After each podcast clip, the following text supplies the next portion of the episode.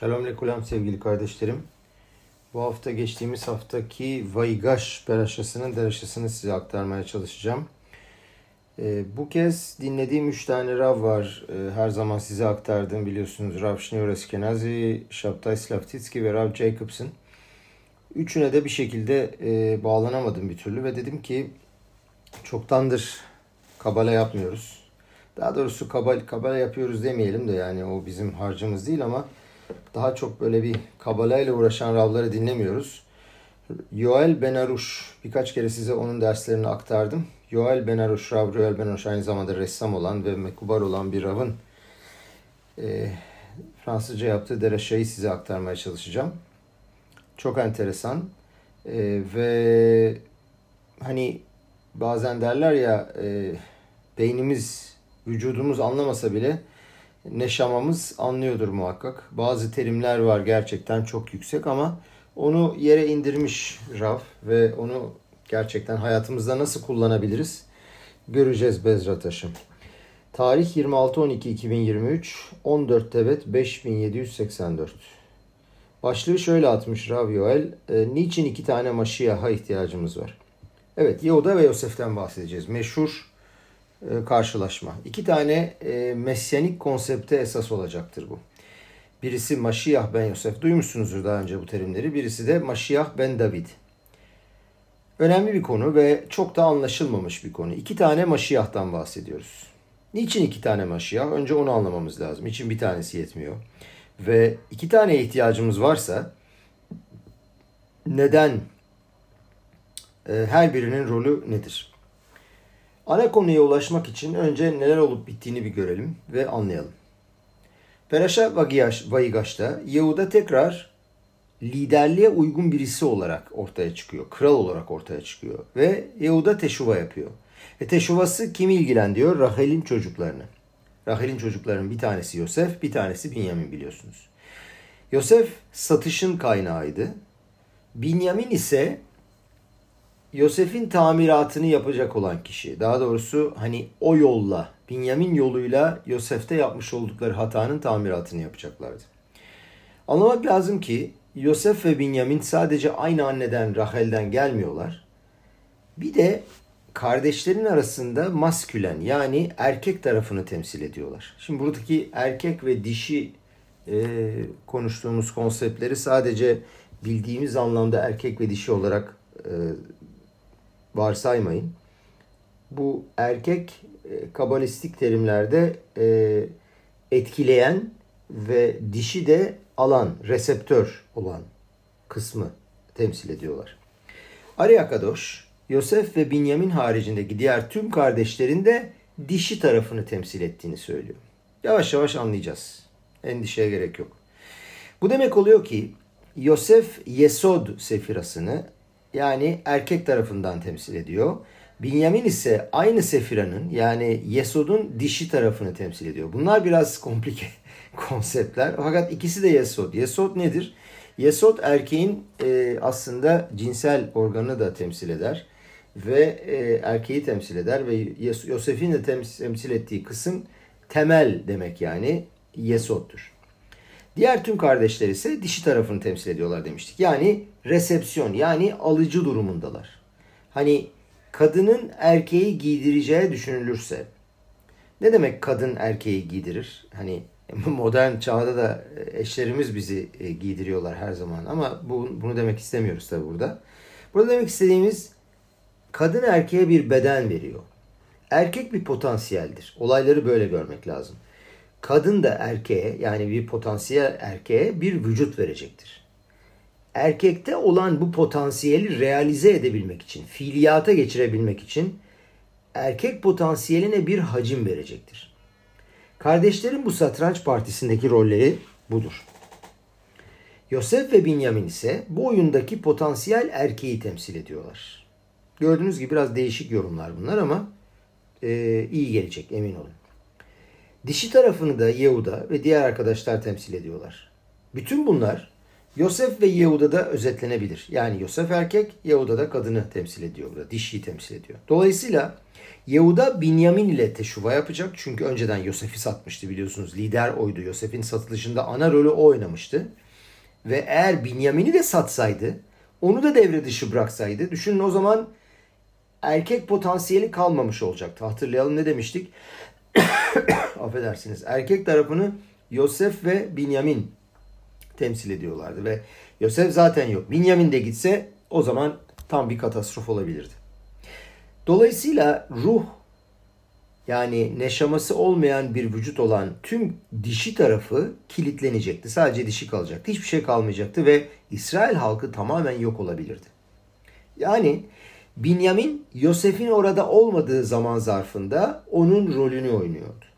Peki şöyle bir soru sorulabilir. Bu jenerasyon yani kardeşlerin jenerasyonu tamamen ortadan kalktığında ne olacak? Tekrardan başka bir insani formda bir dişi bir de erkek tarafı olacak. Mesela Moshe Rabenu erkek, Aaron Akohen de dişi. Dolayısıyla her zaman her zaman bir çift olmak zorunda affedersiniz. Burada ilk sorduğum soruya, dolayısıyla burada ilk sorduğumuz soruya bir cevap vermiş oluyoruz. Neden iki tane Mesih'e ihtiyacımız var, Maşiyah'a ihtiyacımız var? Çünkü bir tanesi ruh ile ilgilenmesi lazım, neşamayla. ikincisinin de bedenle ilgilenmesi lazım. Dolayısıyla Maşiyahlardan bir tanesi oldukça erkek, diğer Mesih de oldukça dişi olacaktır. Dişi vücut anlamında. Nasıl ki bir neşama onu çevreleyen, onu giydiren bir beden olmadan açığa çıkamazsa, faaliyet gösteremezse, dişi olmadan erkek de açığa çıkamaz. Yani neşamaya da bir vücut lazım, vücuda da bir neşama lazım anlayacağınız. Kadın erkeğe göre vücut rolünü oynayacaktır. Bu yüzden hupa zamanında gelin damadın etrafında döner. Vayiga Şelav Yehuda. Yehuda Yosef'e yaklaştı. Burada bir kraliyet yaklaşımı söz konusu. Yehuda cesaretlendi. Yehuda korkmadı ve bu sefer kendini saklamadı. Ve kendine kendine de şöyle dedi. Bu, bu artık işin sonu dedi. Ya olur ya olmaz. Hani ya hero ya mero deriz ya. Aynen böyle. Dolayısıyla kendi kraliyet asalet rolünü oynar. Yehuda burada kendi krallık pozisyonunu ortaya koymaya başlar ve buna göre hareket eder. Olayları tekrardan tanımak üzere kapasitesini ifade eder. Yani öne doğru bir hareket yapar ve Yosef'e doğru gider. Bilgeler der ki savaşmaya hazırdı veya başka bir şeyi elde etmeye, almaya hazırdı. Olayların nasıl gelişeceğini göreceğiz. Bu arada dün bizim Hollanda'daki e, Raul'la konuşurken e, yani onun bir deraşasında gördüm araya gireceğim. E, Yehuda oradaki almış olduğu pozisyonda gerekirse demiş e, hem Yosef'e yani Yosef'e demiş ki hem seni hem de parayı hem de bütün Mısır'ı yakabilirim. O hepsini mahvedebilirim demiş. Böyle bir güçten bahsediyoruz. Gelen bir soru üzerine Rav araya girip şöyle bir açıklama yapıyor. Rav Yoel. E, seyircilerden bir soru geliyor. Ve diyor ki işte niye Yosef bunu niye yaptı? Diyor ki Yosef bütün bu planları diyor kardeşleri yaralamak için yapmadı. Onların yanlışlarını düzeltmek için yaptı. Yosef'in satışı açısından onları duvara sıkıştırmak istedi ve bunun sonucunda onların teşuvalarının sonuna kadar tamamlanıp tamamlanmadığını görmek istedi. Ve bütün bunları İsrail'in tarihini devam ettirmek için yaptı. Şöyle bir prensip kuralı var. Tanrı'dan gelen mesajları dile getirebilmek için taşıyıcılara ihtiyaç vardır. Burada kardeşler Yosef'in bir taşıyıcı eleman, reseptör olmadığını artık düşünüyorlardı. O yüzden e, o yüzden onu filmden, resimden dışarı çıkardılar, sattılar. Şimdi de Yosef belki de diğer kardeşler taşıyıcı elemanlar değil diye düşünüyordu. Ve onları bir sınava tabi tutuyordu. Bunun amacı kendisi, diğerleri veya tüm kardeşler için bunun gerçek olup olmadığını anlamak. Dolayısıyla Yosef ve Yuda özetleyecek olursak ikisi de kral olarak biliniyorlar ve her ikisinin de ismi kral. Niçin onlara kral deniyor? Çünkü bir erkek krallık var. Yani bu bizim dünyamızda hissedilmeyen bir krallık. Bu neşama seviyesinde, ruh seviyesinde bir krallık. Bir de görünebilir krallık var. Bu da vücut konumunda. Yehuda'nın ismini oluşturan harflere bakacak olursanız Yud, Hey, Vav, Dalet, Hey ve Yud Hey Vav Hey yani Yud Key Vav Ke dediğimiz Akadosh Baruhu'nun tetragram ismi bu ismin içinde. Ne var ek olarak? Bir tane dalet harfi var. Dalet'i delet olarak görebiliriz. Kapı olarak görebiliriz. Demek ki Yehuda kutsalı, Akadosh Baruhu'yu yani açığa çıkmış bir şekilde dile getiriyor, ortaya çıkarıyor. Daha fazlasını yapamayız. Bu bir ekrandır diyor. Yosef de Aşem'in ismini içinde barındırır fakat gizli bir şekilde. Nasıl yani? Bunlar da kabalistik bir takım terimler. Yani isimlerle oynamak, isim harfleriyle oynamak e, daha çok mekuballerin kullandığı yöntemler. Bizim Habat ve Hasidut akımı gibi değil. Yosef'te peki Aşem'in ismi nerede var? O da e, Yosef'in içinde de var fakat gizli bir şekilde. Bilgilerimiz şöyle diyorlar. Yosef Mısır'ın kralı olduğu zaman Akadosh Baruhu'nun ismine Hey harfini ilave etti. Yani Yosef değil Yeosef olarak çağrıldı. Yani normalde Yud Vav Sameh Pesofit olur. Fakat burada Yud Hey Vav Sameh Pesofit olur. E, tekste yazdım orada görebilirsiniz bakarsanız. Yani Aşem'in ilk üç harfi Yud, Hey ve Vav var. Fakat sonrası da Sef yani Sof. Sof da Hey harfi demek. Dolayısıyla Yosef'te de var Akadosh Baruh'un ismi fakat gizli bir şekilde. Sonuç olarak ne demek oluyor bu? İki tane Yudke Vavke ismimiz var. Hem Yosef'te hem Yehuda'da. Bir tanesine gizli bir tanesi açık. Ve Kabala'da iki kere Yudke Vavke yani 2 çarpı 26 Yudke Vavke'nin e, gematriyası 26'dır. Ve iki tane 26 olduğu zaman 52. 52 nedir? İsrail krallığının ismi. Kabala'da buna Şemben deniyor. Yani Nun Bet 52. Nun 50, Bet 2, 52. 52 sayısının anlamı nedir? Şöyle 52 sayısında Tanrı'nın hem ismi var hem de onun yansıması var. Yani Tanrı'nın ismi 26, yansımasının ismi de refleksiyonu da 26, ikisi de 52. Dolayısıyla 52 sayısının karşısında gördüğünüz zaman anlayın ki Akadosh Baruhu'nun krallığının bu dünyadaki yansıması mevcuttur. Ve 5 ile 2'yi topladığınız zaman o da 7. Bu da malhut yani krallık tarafıdır. O da 7 sayısıdır. Bunlar biraz dediğim gibi kabalistik bilgiler. Ee, bunu anlamak çok kolay değil ama inanın ki neşamamız anlıyordur. Teylimde 48. mizmorda Pasuk 5'te şöyle demektedir. Ki yine amelachim noadu avru yahtav. İşte krallar toplandılar birlikte ve bir araya geldiler. Peki kimdir bu krallar? David Amelech kimden bahsetmektedir? Yosef ve Yehuda'dan. Midraş da bunu teyit edecektir. Midraş Rab'a şöyle diyor. İki tane kral var diyor. Yosef ve Yehuda. Yosef Tanrı'nın ismini gizli olarak kutsamıştır. Çünkü orada bir Mısırlı gibiydi. Açık, açıklayamazdı. Ama sadik yanı gizli durumdaydı. Açığa çıkmış bir şekilde değil. O yüzden kardeşlerine sünnetini, Brit milasını göstermek zorunda kalmıştı. Yani Mısır'dayken bile kutsiyetini korumuş olduğunu kardeşlerine gösterebilmek için e, Brit milasını göstermişti. Ve Tora'daki iki tekste bunu söyleyecektir. Ve Yosef ayya be Mitzrayim. Aslında basit anlamı Yosef Mısır'daydı demek ama bu sadece Mısır'da olduğunu söylemek için değil, Mısır'da olmasına rağmen Yosef olarak kaldığını teyit etmek için. Dolayısıyla burada çok önemli bir konu var. Bu konu iki tane çok önemli kişiyi alıp zamanın sonuna kadar onları getirecektir. Yani İsrail'in mesyanizmi e, Maşiyah konsepti iki tane delegasyondan geçecektir. Bunların bir tanesi Maşiyah ben Yosef, bir tanesi de Maşiyah ben David. Maşiyah ben David kimdi? Yehuda. Buna karşılık Maşiyah ben Yosef başka bir kraldı. Ee, İsrail'in krallık dönemine bakacak olursak başlangıçta iki tane kral vardı. Birinci kral biliyorsunuz Shaul. Shaul Binyamin kabilesinden geliyordu yani Yosef tarafından. David ise ikinci kraldı o da Yehuda tarafından geliyordu. Ve bunlar iki ayrı polardı. Dolayısıyla tarihte her zaman bu çift yani dişi ve erkek olacaktır. Shaul Yosef'ten gelmektedir demiştik. David ise diğer kardeşlerden. Ve ikisi arasında bir gerilim vardı. Çünkü bir tanesi diğerinin misyonunu, görevini anlamamaktaydı. Shaul David'i öldürmek istiyordu. Ve bu bir tesadüf değildi. Çok ciddi bir durumdu. Tarihin ilk zamanlardan biri bir kardeş diğerini öldürmek istiyor. Kain ve evvelden bahsedelim. İsmail, İtsak, Esav, Yakov. Her seferinde birisi kendi yönteminin doğru olduğunu düşünüyor. Bir kardeşi istemediğim zaman ölümcül hale geliyorum. İbranice'de bu terimler çok açıktır. Bu da enteresan. Lo rotse ah. Ben kardeş istemiyorum. Lo rotseah. Fakat dikkat ederseniz lo rotseah.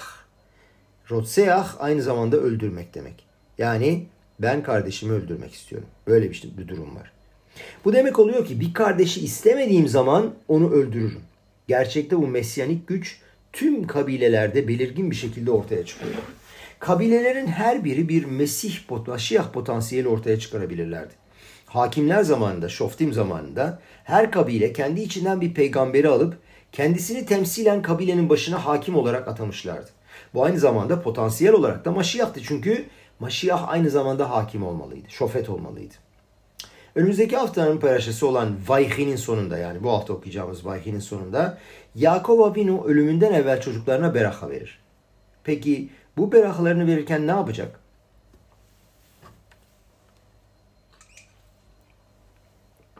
Bunların bir kutsama olduğunu anlayamıyoruz.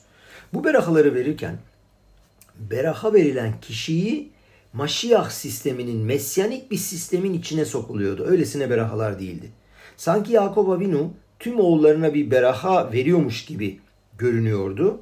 Fakat durum öyle değildi. Tüm kabilelere hangi mesyanik sisteme dahil olduklarını tek tek anlattı. Her kabilenin belirli bir elemanını evrenin içine yerleştiriyordu. O eleman onun oynayacağı muazzam organik rolü belirliyordu. Diğer türlü açıklayacak olursak İsrailoğullarının her birine ona özgü olan özelliğini veriyordu. Başka hiç kimsenin yapamayacağı özel fonksiyonunu tanımlıyordu. Bir berahanın gerçek anlamı budur. Herkesi aynı kutsama ile kutsadığın zaman artık aynı güce sahip olmaz. Bilgi adam, haham, herkese kendi özelliğine ve kendi ne olduğuna göre bir kutsama verecektir. Çünkü beraha vereceği adamın gerçekten ne olduğunu tespit etmiştir. Hani bazılarına gideriz ya beraha ver deriz işte elini öperiz şöyle böyle filan. O da başlarmış işte beraha otun Abraham, İtsak ve Yakup filan falan. Böyle değil bu iş. İsrail'in her ailesinde özel bir maşiyah gizlidir. Her ailede o ailenin bir Mesih potansiyeli vardır. Yani o spesifik aile için maşiyah rolünü oynayabilir.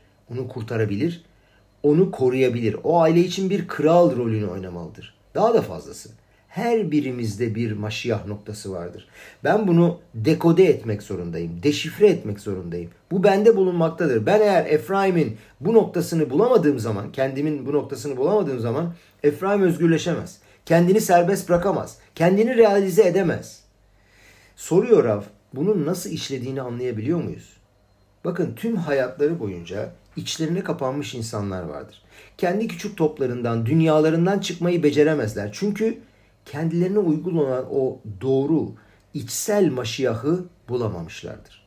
Şunu anlamak çok önemlidir. Kozmosta olup biten her şey daha küçük, daha minik ölçekte her birimizde olmaktadır. Her bir hücrede aslında aynı güç bulunmaktadır. Dolayısıyla iki tane isim ve kod vereceğiz.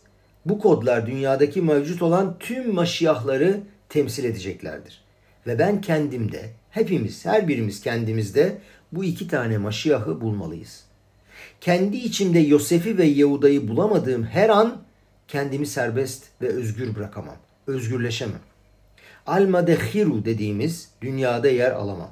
Ki bu dünya gerçekte gelecek dünyadır. Yosef belirli bir gücü, Yehuda da belirli bir başka bir gücü temsil etmektedir. Yani tüm hayatı biz iki derecede özetleyebiliriz. Yosef ve Yehuda.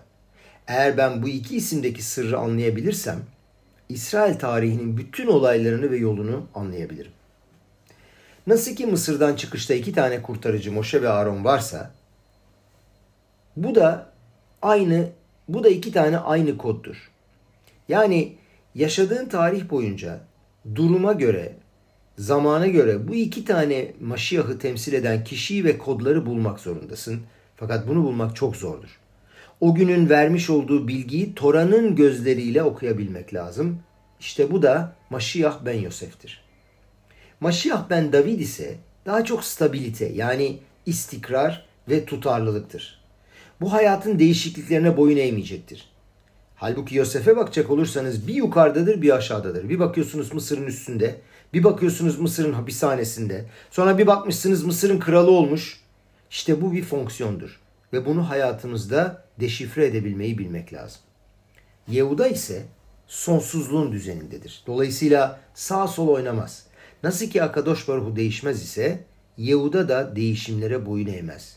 Söylemiştik. İsmi Yehuda'nın isminde açık seçik belirli Tanrı'nın ismi. Dolayısıyla burada iki tane kutup vardır. Sonsuzlukta olan bir kutup vardır. Başka bir kutup daha vardır ki o da zaman, mekan ve bu dünyanın değişikliklerine boyun eğmektedir. Bu dünyanın değişimi Yosef'tir. Bunu isminden de almaktadır. Çünkü sürekli bir şeyler eklemektir. Biliyorsunuz Yosef, leusif, eklemek demek. Bir de ilahi kozmik dünyanın istikrarında olan birisi vardır. O da Yehuda. İkisi arasında doğru ilişki ve kıyaslamayı yapamadığın takdirde kendi Mitzrayim'inden, kendi Mısır'ından ve sürgünde olduğun, bulunduğun yerden dışarı çıkamazsın. Arada dinleyicilerden bir tanesi bir şey sordu. Dedi ki hani tamam Yosef'i bir şekilde anlayabiliyoruz bu dünyadaki değişim dediniz ve vücut dediniz ama e, pardon oraya gelmedim affedersiniz. Biraz ileride geleceğiz buna. E, bir geri alıyorum bir cümle. Ha evet bir, birisi bir soru sordu evet. E, dedi ki Yosef'i bulmak için dedi kendi içimde biraz daha kolay ama bu dedi kozmik dünyadaki istikrar çok yüksek düzeyli e, kelimeler bunlar. Ne demek istiyorsun dedi kozmik dünyadaki istikrar. E, Rav buna Tanrı diye cevap verdi. Yani Yehuda Akadosh Baruhu'yu temsil ediyor. Tanrı'nın tekliğini ve gücünü kabul etmek ve inanmak. Eğer ben bunu anlamıyorum ya bu yüzden bu iş böyle yürümez dediğim anda o zaman yanlışın içindeyim demektir. Yehuda tam olarak da bu. Yehuda her sabah söylediğin ilk kelime. Mode. Teşekkür. Neye teşekkür ediyorum? Neyi tanıyorum? Önce mode diyorum dikkat edin. Ani demiyorum. Önce onu tanıyorum, kabul ediyorum. Esasında Yehuda aynı zamanda kendi hatasını da kabul edendir. Aslında gerçekte Tamar olan yani gelini olan fahişeyle birlikte macerasında Tamar ne demişti?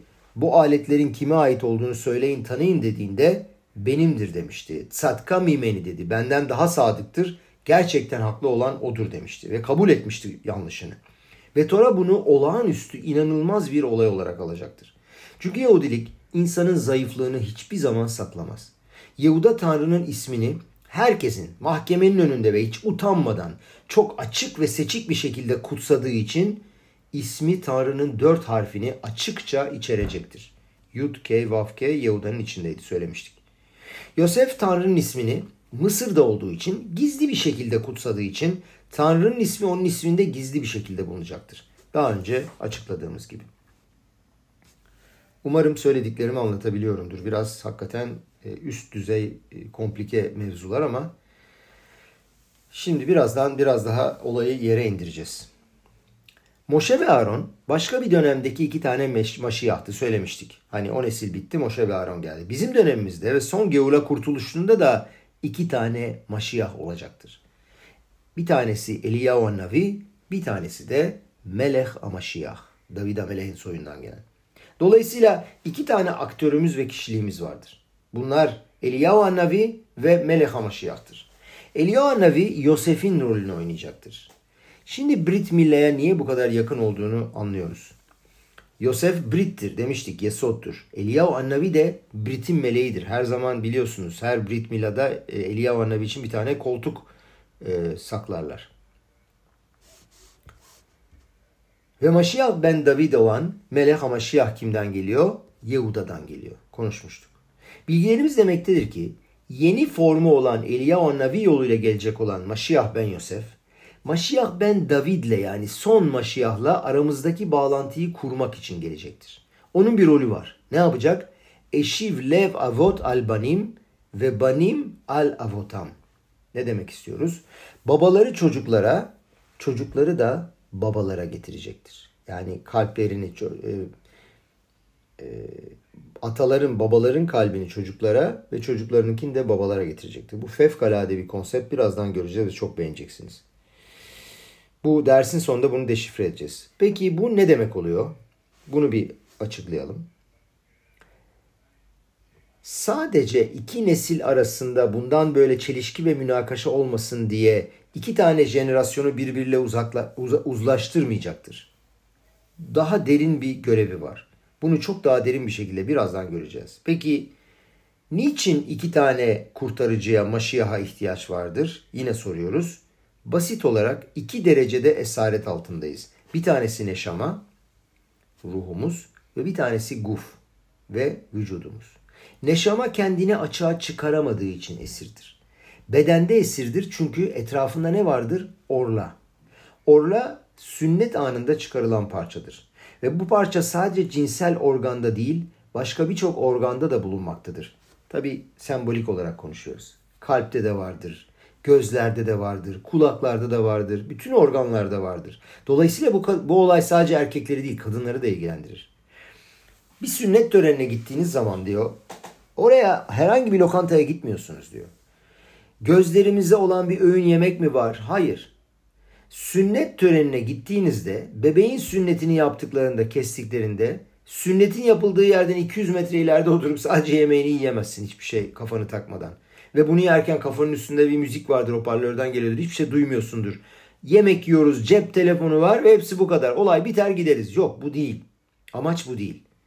Sünnete gittiğimizde diyorlar ki sünneti hakikaten e, gidip yakından izlemek lazım.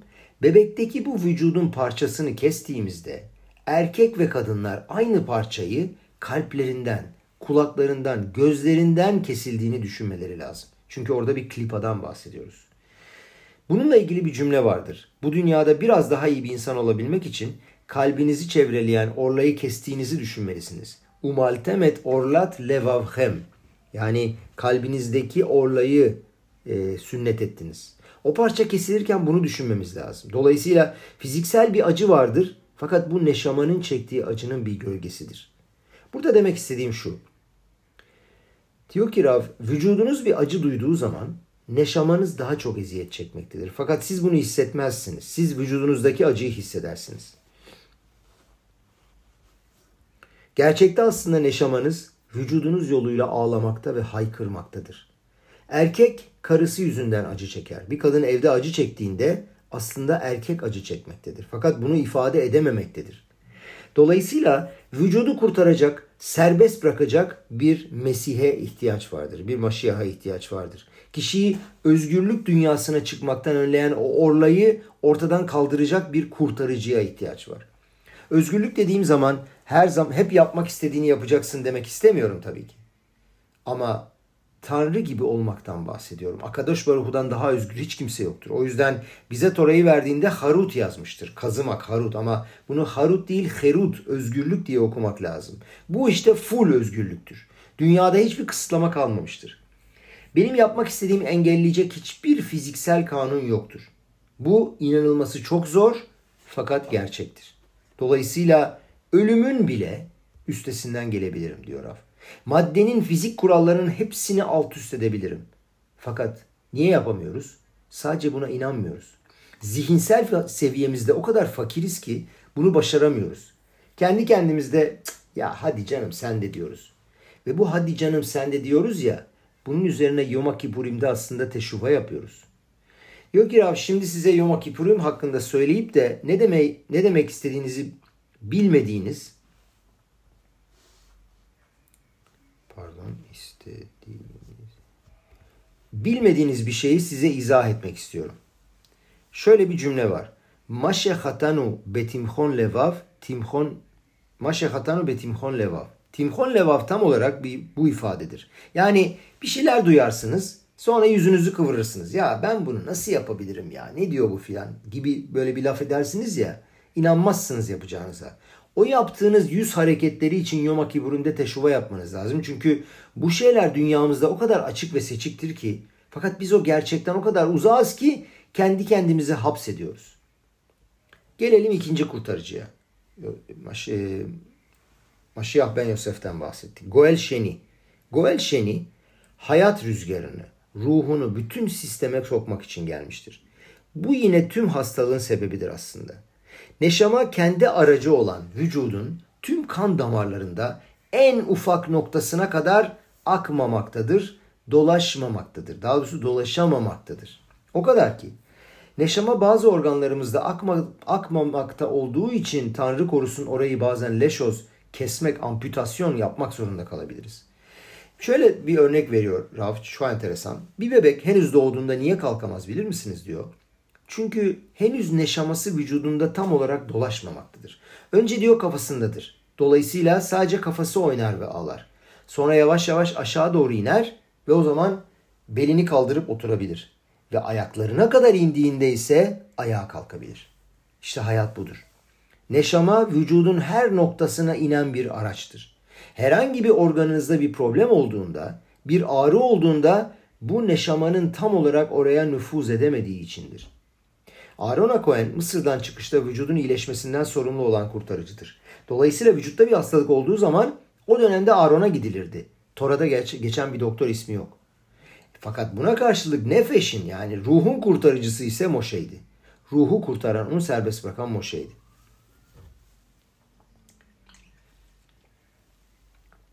Bir soru soruyor abi. Mısır çıkışında ruh kimdi, neşama kimdi, vücut kimdi? Yahuda mı Yosef mi diyor.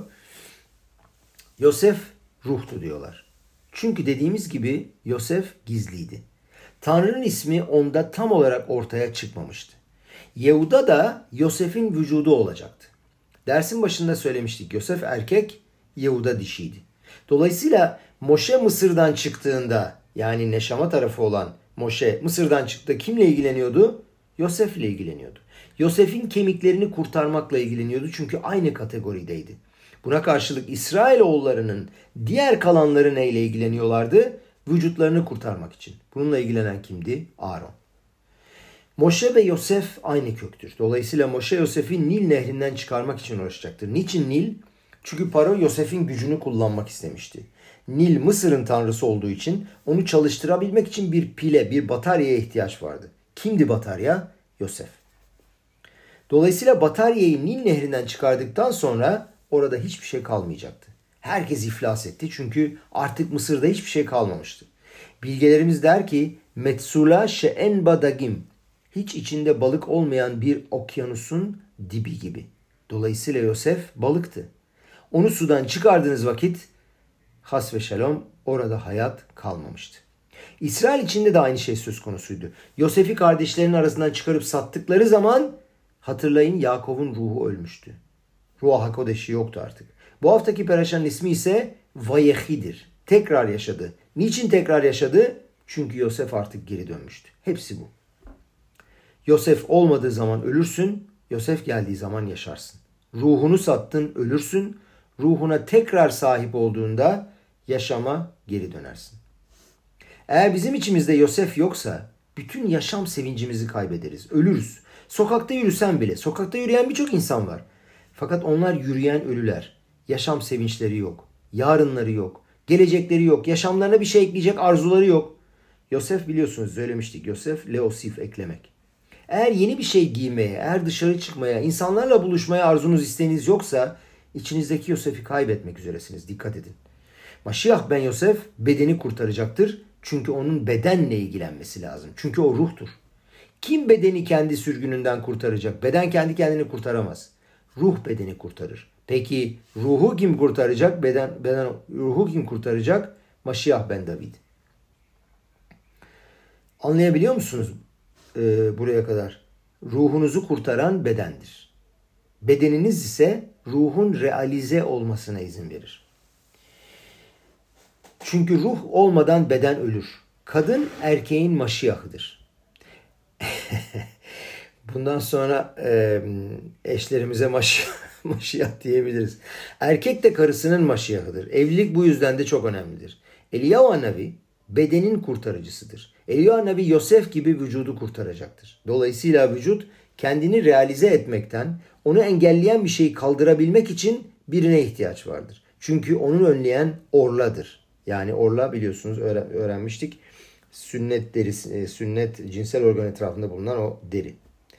Orlanın harfleri İbranice'de Ra'al, la, Ra'al ile aynı harflerdir. Yani Ra'al zehir. Dolayısıyla kendini bu hayatta realize etmeni önleyen zehri ortadan kaldırman gerekir. Peki ne yaparız biz zehri? Orlayı ne yaparız? Toprağa gömeriz. Biz bunu der kuskusun içine koymayız yemek için. Bunu gömeriz ve yılanın bunu yemesini sağlarız. Bu demek oluyor ki yılanın gelip bizi rahatsız etmemesi için onun payını ona veririz. Bunu ye ve bizi rahat bırak. Bir köpek sürekli yanında durduğu zaman bir parça et verirsin seni rahat bırakır. Aynı şey orla için geçerli. Biz daha zamanın sonuna gelmediğimiz için klipayı yani kabuğu, yılanı ölçülü bir şekilde beslememiz gerekir. Melek Maşiyah neşamayı vücudun içine sokacaktır. Çünkü neşama olmadan vücut kendini ifade edemez. İki tane kurtarıcı birlikte aynı anda sahneye çıkacaklardır. Çünkü vücut ruh olmadan, ruh da vücut olmadan var olamazlar. Yaşayamazlar. O yüzden iki tane maşiyaha aynı anda ihtiyaç vardır. Rav oradaki seyircilere, dinleyicilere şöyle bir şey söylüyor. Diyor ki, şimdi diyor şu gelecek olan maşiyahları bir unutun. Bir kendinizi düşünün diyor. Şu anda sizden bahsediyorum. Beni dinleyen kardeşlerimden de ben onu rica ediyorum. Şu anda sizden bahsediyorum.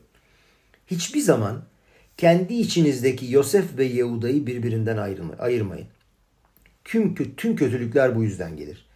İki maşiyahın arasını ayırdığınızda sanki gökyüzü ile yeryüzünün arasını ayırmış gibi olursunuz ve ikisi de ölür. Realite olmaz. Gökyüzündeki ruhların gerçekte bir varlıkları yoktur. Bir realizasyonları yoktur. Tanrı nefeşleri, neşamaları ruh olarak kalmaları için yaratmamıştır. Ruhları bir halk olmaları için yaratmıştır. Bu dünyadaki ruhları olmayan vücutların da maalesef hepsi mezardadır. Bunun için dua ediyoruz ve şöyle diyoruz. Şlah orha ve amiteha. Yani bize ışığını, orha ışığını ve amiteha gerçeğini gönder. Niçin iki ifade? Burada ışık ve gerçek var. Aslında etkin olarak ışık dediğimiz gerçektir. Kutsal ışık aslında gerçeğin ta kendisidir ama bizim için gerçek olayların realizasyonu demektir. Leamet İbranice'de tasdiklemek, onaylamak. Yani doğru olduğunu bilmekten, sadece bilmekten fazlasıdır. Ben ışığın gerçek olduğunu biliyorum fakat bu ışığın hayatında gerçekten işlevsel olmasına izin veriyorum. Onu hayatımın içine sokuyorum, realize ediyorum. Ne dedik? Orha ve amiteha, ışığını ve gerçeğini. Maşiyah ben Yosef ve Maşiyah ben David ikisi birlikte senin kutsiyetinin dağına gelene kadar bana yol gösterecekler. Ne demek kutsiyetinin dağına kadar? Nereye demek istiyoruz? Arabayte yani Bet Amiktaş'a. Şimdi soruyorum size Bet Amiktaş kimin bölgesinde bulunmaktadır? Yehuda ve Binyamin. Sadece Binyamin değil. İkisinin kesiştiği yerdedir. Mizbeah yani e, et üstünde hayvan kesilen mizbeah her ikisinin de bölgesindeydi. Bunun bir bağlantılı bağlantı olduğunu anlamak lazım ve yanlışa düşmemek lazım. Akadosh Baruhu'dan iki kurtarıcıyı da göndermesini istiyoruz. Hem ruhu hem de bedeni birlikte kurtarabilmek için. Eliyahu hem babaların hem de oğullarının kalplerini birleştirmek için gelecektir. Bakın şöyle bir cümle var. Ve eşiv lev avot al banim ve lev banim al avotav. Peki burada çocuklar ne anlama geliyor? Babalar ne anlama geliyor? Babada çocukta olmayan ne var? Çocukta da babada artık olmayan ne var? Burası çok güzel. Babada spiritüalite var. Ruhanilik var, maneviyat var. Kutsal değerlerin bilincindedir baba. Kişi ihtiyarladığında çocuklarına ahlaki ve kutsal değerleri aktarır. Yani her yaptığımda Tanrı'nın orada yanımda olduğunu bilincindeyim ve bunu çocuklarıma aktarıyorum. Çocuk bunu biraz kaybetmiştir fakat babada ve büyük babada olmayan bir avantaj vardır çocukta. O da nedir? Cesaret, realizasyon, gerçekleştirme.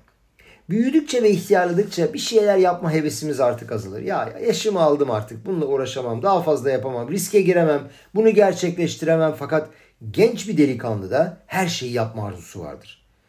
Bu demek oluyor ki gençte babasında olmayan bir gerçekleştirme özelliği vardır.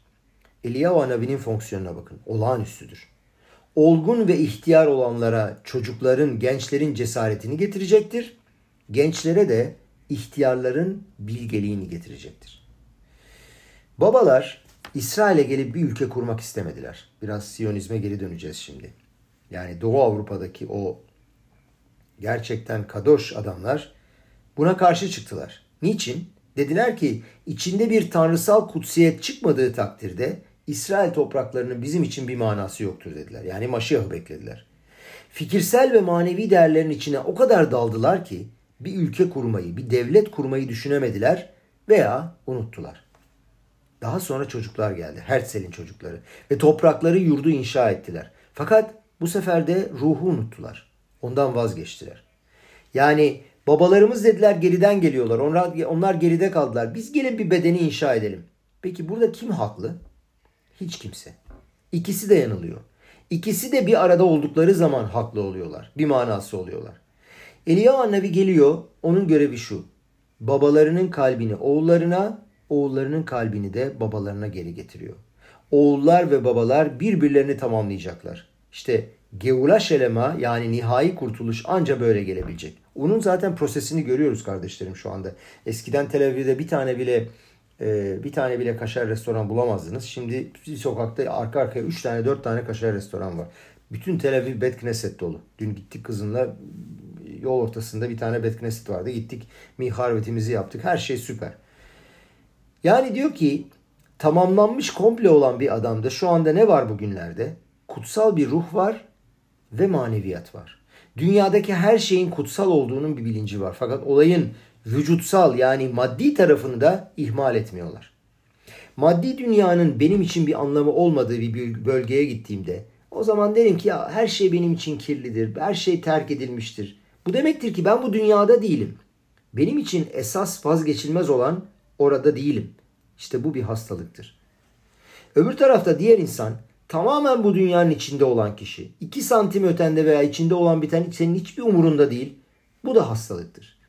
Yosef'in avantajı yüksekliği, babaları, ataları tamamlamaktır. Yosef'in babalar ile oğullar arasındaki aracı olup tamamlayabilecek bir avantajı vardı dikkat edin. Eliyahu annabi gibi. Yosef'in bir kabilesini ararsan bulamazsın. 12 kabile arasında Yosef'in kabilesi yok. Bu da demek oluyor ki o zaman o Avraham, Yitzhak ve Yakov'un tarafındadır. Yani o da bir babadır, bir atadır.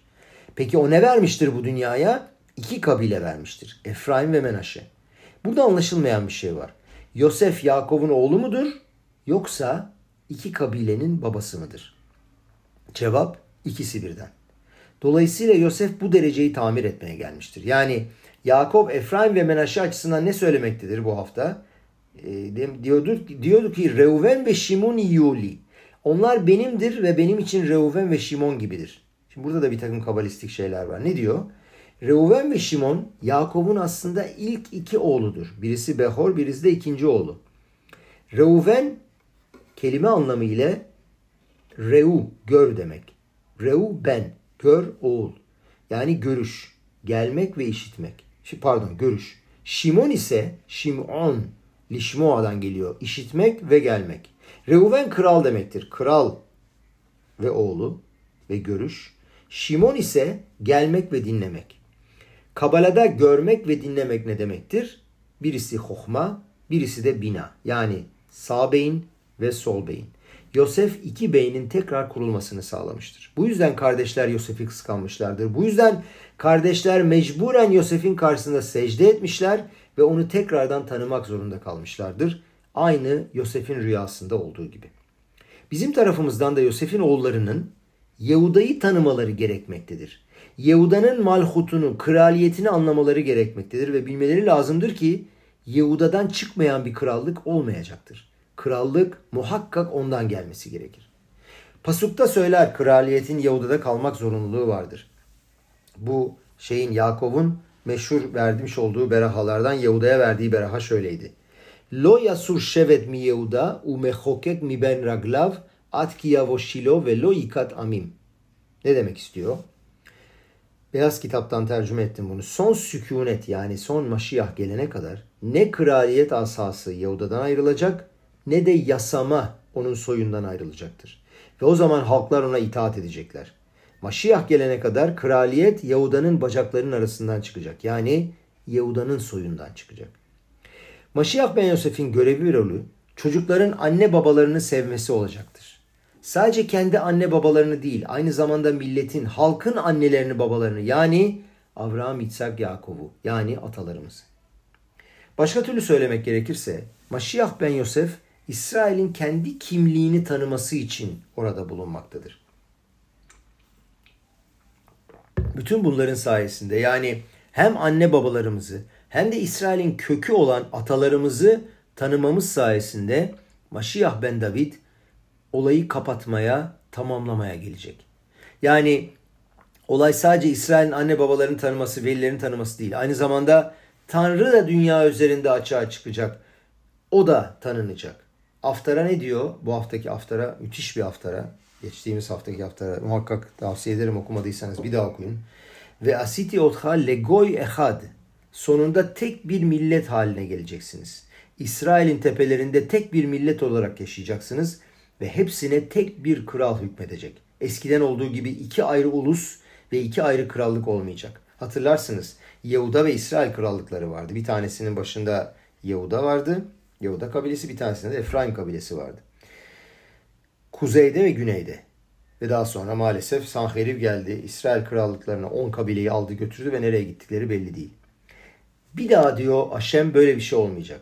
Bu tarihin kapanışı olacak. Ve bu zamanda bizim de bizi bu kadar rahatsız eden diğerinin yerini bilmemiz ve tanımamız lazım. Yani karşımızdakini aşağılamadan görmemiz lazım kardeşlerim. Her şeyin temeli bu.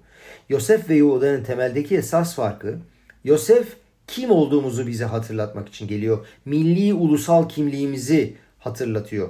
Diğer kardeşlerin de bizim kutsal bir millet olduğumuzu, kutsal bir halk olduğumuzu ve Tanrı'nın bizim aramızda olduğunu tanımaları gerekir kendi isminin içinde Tanrı'nın ismini açığa çıkarmış olan Yahuda ise bütün bu tarihin içinde Tanrı'nın işin içinde bulunduğunu ortaya çıkarmak görevine sahip olacaktır. Yani her şeyin içinde Akadosh Baruhu vardır.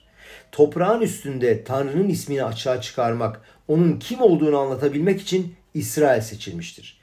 Bu onun görevidir ve bunu tekrardan ortaya çıkarmak lazım bütün e, dünyanın gözü önünde. Şimdi diyor ki Rav size şok edici bir şey söyleyeceğim. Burada olup bitenler veya etrafınızda olup bitenler hakkında sinirlendiniz. Ve buna karşı çıktığınız her zaman unutmamanız lazım ki buranın bir patronu var. Bu yeryüzünü Tanrı yönetiyor. Sen yapman gerekeni yap. Fakat daha sonra geriye çekil ve sonuçları izle. İşleri bitirmek senin işin değil. Çünkü daha sonra olayları izlediğinde ve hoşuna gitmediğinde stres alacaksın. Geleceksin ve depresyona girebilirsin. Sen kendi işini ve görevini yap, gerisini Akadosh Baruch halleder. Kutsal planın içine bir adam her girdiğinde Akadosh Baruch onları yerine oturtmuştur. Bu sizin işiniz değil, kendi işinize bakın demiştir. Peygamberler de buna dahildir. Akadosh Baruhu Yermiyahu'ya bir ev satın al demiştir. Yermiyahu Aşam'e dedi ki bir söylediği evin alacağı şehrin biliyor nevuayla gördü peygambersel vizyonuyla. E bu Kastinler tarafından alınacak dedi. Niçin bana böyle bir ev satın al diyorsun diye Tanrı'ya sorunca Akadosh Baruhu'nun cevabı şu oldu. Kapa çeneni. Sana söylediğim şeyi yap ve benim planlarımın içine girmeyi kes. Bu kadar basit. Fakat biz o kadar gururluyuz ve kendimizi o kadar beğenmişiz ki her zaman biz ondan daha iyi bildiğimizi sanıyoruz. Akadosh Baruch ne anlar ki biz biliriz. İsrail milletinin bu kurtuluşa giden yolundaki en büyük problemi ve sıkıntısı o klipa nedir? Yehuda ve Yosef arasındaki nefreti körüklemektir. Shaul'un mesela David'e olan nefreti. Bunu gördük. Shaul David'den nefret ediyordu. Tüm ayrım, şizm ve halkların ikiye bölünmesi bu yüzden olmuştur. Bu bipolar olayı, bu pitsul dediğimiz ayrımı halletmenin ilacı nedir? O kadar iki dünyasında, ikinin dünyasında kendimizi kaybediyoruz ve o kadar ayrı bir yere düşüyoruz ki tüm bunları yöneten bir tek olduğunu unutuyoruz. Bu pitsul dediğimiz İbranice pitsul aslında splitting demek, ayrılma demek. Bipolarite hastalığına tek ilaç nedir biliyor musunuz? Beta miktaşın kurulması. Maşiyah'ı nasıl tanırız? sadece ve sadece beta miktaşı inşa edebilirse. Eğer bunu yapamazsa belki de bir maşiyah potansiyeli vardır. Çünkü daha evvel konuştuk potansiyeli olan çok maşiyah gelmiştir. Her kabilede, her ailede ve herkeste bu potansiyel vardır. Fakat sadece beta miktaşı kurduğu andan itibaren ona kesinlikle maşiyah diyebiliriz. Ve beta miktaşı kurabilmek için ne lazım biliyor musunuz? Diğerini tanımak, kabul etmek ve içine alabilmek demektir. Bu aralar İsrail'de modern İbranice'de kullanılan bir terim var. Leahil, leahilotha. Ee, bir kişiyi olduğu gibi kabul etmek diye sanıyorum leahil. Karşısındakini içine sindirmek, onun ne olduğunu anlamak. Betamiktaş tam olarak Yehuda ve Binyamin'in kesişme noktasında kurulacaktır. Eliyahu Annavi iki Mesih arasını birleştirmek ve onları bir yapmak için, tek yapmak için gelecektir. Saklı olan, gizli olan Maşiyah ben Yosef'i alır. Alır. Peki Eliyahu Annevi Maşiyah ben Yosef midir? Değil midir? Aslında Eliyahu Annevi görmediğimiz bir Maşiyah'ı açığa çıkarmaya gelmektedir. Şöyle bir örnek de veriyor Rav. Vayaker Yosef et ehav ve hemma lo ikir'u. Lo hikiru. Yosef kardeşlerini tekrar tanır. Fakat onlar onu tanımazlar. Siz bunun sadece yüzeysel bir manası olduğunu mu sanıyorsunuz? 22 sene sonra Mısırlı gibi giyindiği için onu tanımadılar mı? Evet bu da doğru pişat olarak fakat olay bu değil. Yosef de onları 20 senedir görmedi. Niçin Yosef onları tanıdı da diğerleri tanıyamadı? Çünkü birini sevmezsen onu görmezsin, tanıyamazsın. Çok fundamental bir şey söylüyor abi bu arada. Birinden nefret edip etmediğinizi nasıl bilebilirsiniz? Veya başka birisi sizden nefret edip etmediğini nereden bilebilirsiniz? O kişi gözlerinizin içine bakmaz. Siz de onun gözlerinin içine bakmazsınız. Kaldırır kafanızı başka yere bakarsınız. Aşk, sevgi başkalarının gözlerinin içine baktığınız zamandır. Dolayısıyla Yehuda Yosef'i tekrar tanımamaktadır. Çünkü onun varlığını reddetmiştir. Fakat Yosef kardeşlerini tanıdı. Tercüme şöyle. Neşama vücudu tanımış fakat vücut neşamasını tanımamıştır. Maalesef burada duran yani kendi toplumdan bahsediyor ama biz de kendi çevremizde diyebiliriz. Çok az kişi kendi ruhunu tanımaktadır. Buna karşılık neşama vücudu çok çok iyi tanımaktadır. O çok sabırlıdır. Onun ne kadar sabırlı olduğunu size anlatamam. Bu arada enteresan bir şey söyledi Rab. Diyor ki 10-15 sene içinde diyor yaşam süresi 250 seneye çıkabilir. Ve 30-40 sene sonra da 1000 seneye çıkabilir. Bugün diyor bir scanner'a giriyorsunuz diyor. 30 saniye içinde vücudunuzdaki bütün hastalıkları size söylüyor. Dolayısıyla mümkün bir sürü şu anda mümkün olmayacağını düşündüğünüz şeyler ileride olabilir. Peki atalar ile çocuklar arasında olan fark iki tane Mesih arasında olan farkla aynıdır. Çocuklara şöyle deniyor. Al tigeu bimşihay. Bu cümleyi bilirsiniz. Teyilimde okunuyoruz. Mesihlerime dokunmayın. Peki kimdir bu Mesihler? Hahamlar diyor ki bunlar bebeklerdir, çocuklardır.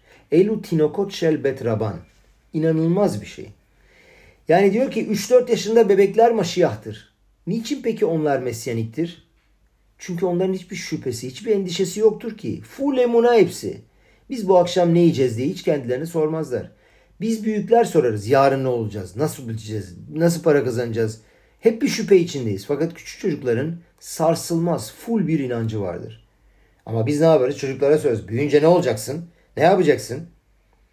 Çocukların küçük çocukların ağzında olanlar esasında Maşiyah ben David'in tüm sırlarıdır. Bizim tek yapmamız gereken onları ataların torasına bağlamaktır. Nedir ataların torası? Abraham, İtsak ve Yakov. Onlar nedir? Avinu'dur. Avinu. Ama sonra ataların torasından sonra hahamların, ravların torası gelmektedir. O da nedir? Moshe Rabenu. Birisi Avinu, birisi Rabenu. Moshe Rabenu bir şey öğrendiği zaman ne deriz? Kibel Tora Misinai. Fakat bunlar aslında Pirke Avot olarak tanınır. Bu demek oluyor ki Pirke Avot yani ataların torası da Ravların torası ile başlar. Dolayısıyla bu hayatta ne yapmamız lazım kardeşlerim? Fiilen babamın torası ile atalarımın torası ile Rav'ımın torasını birleştirmem lazım. Amen ve hayni yaratson.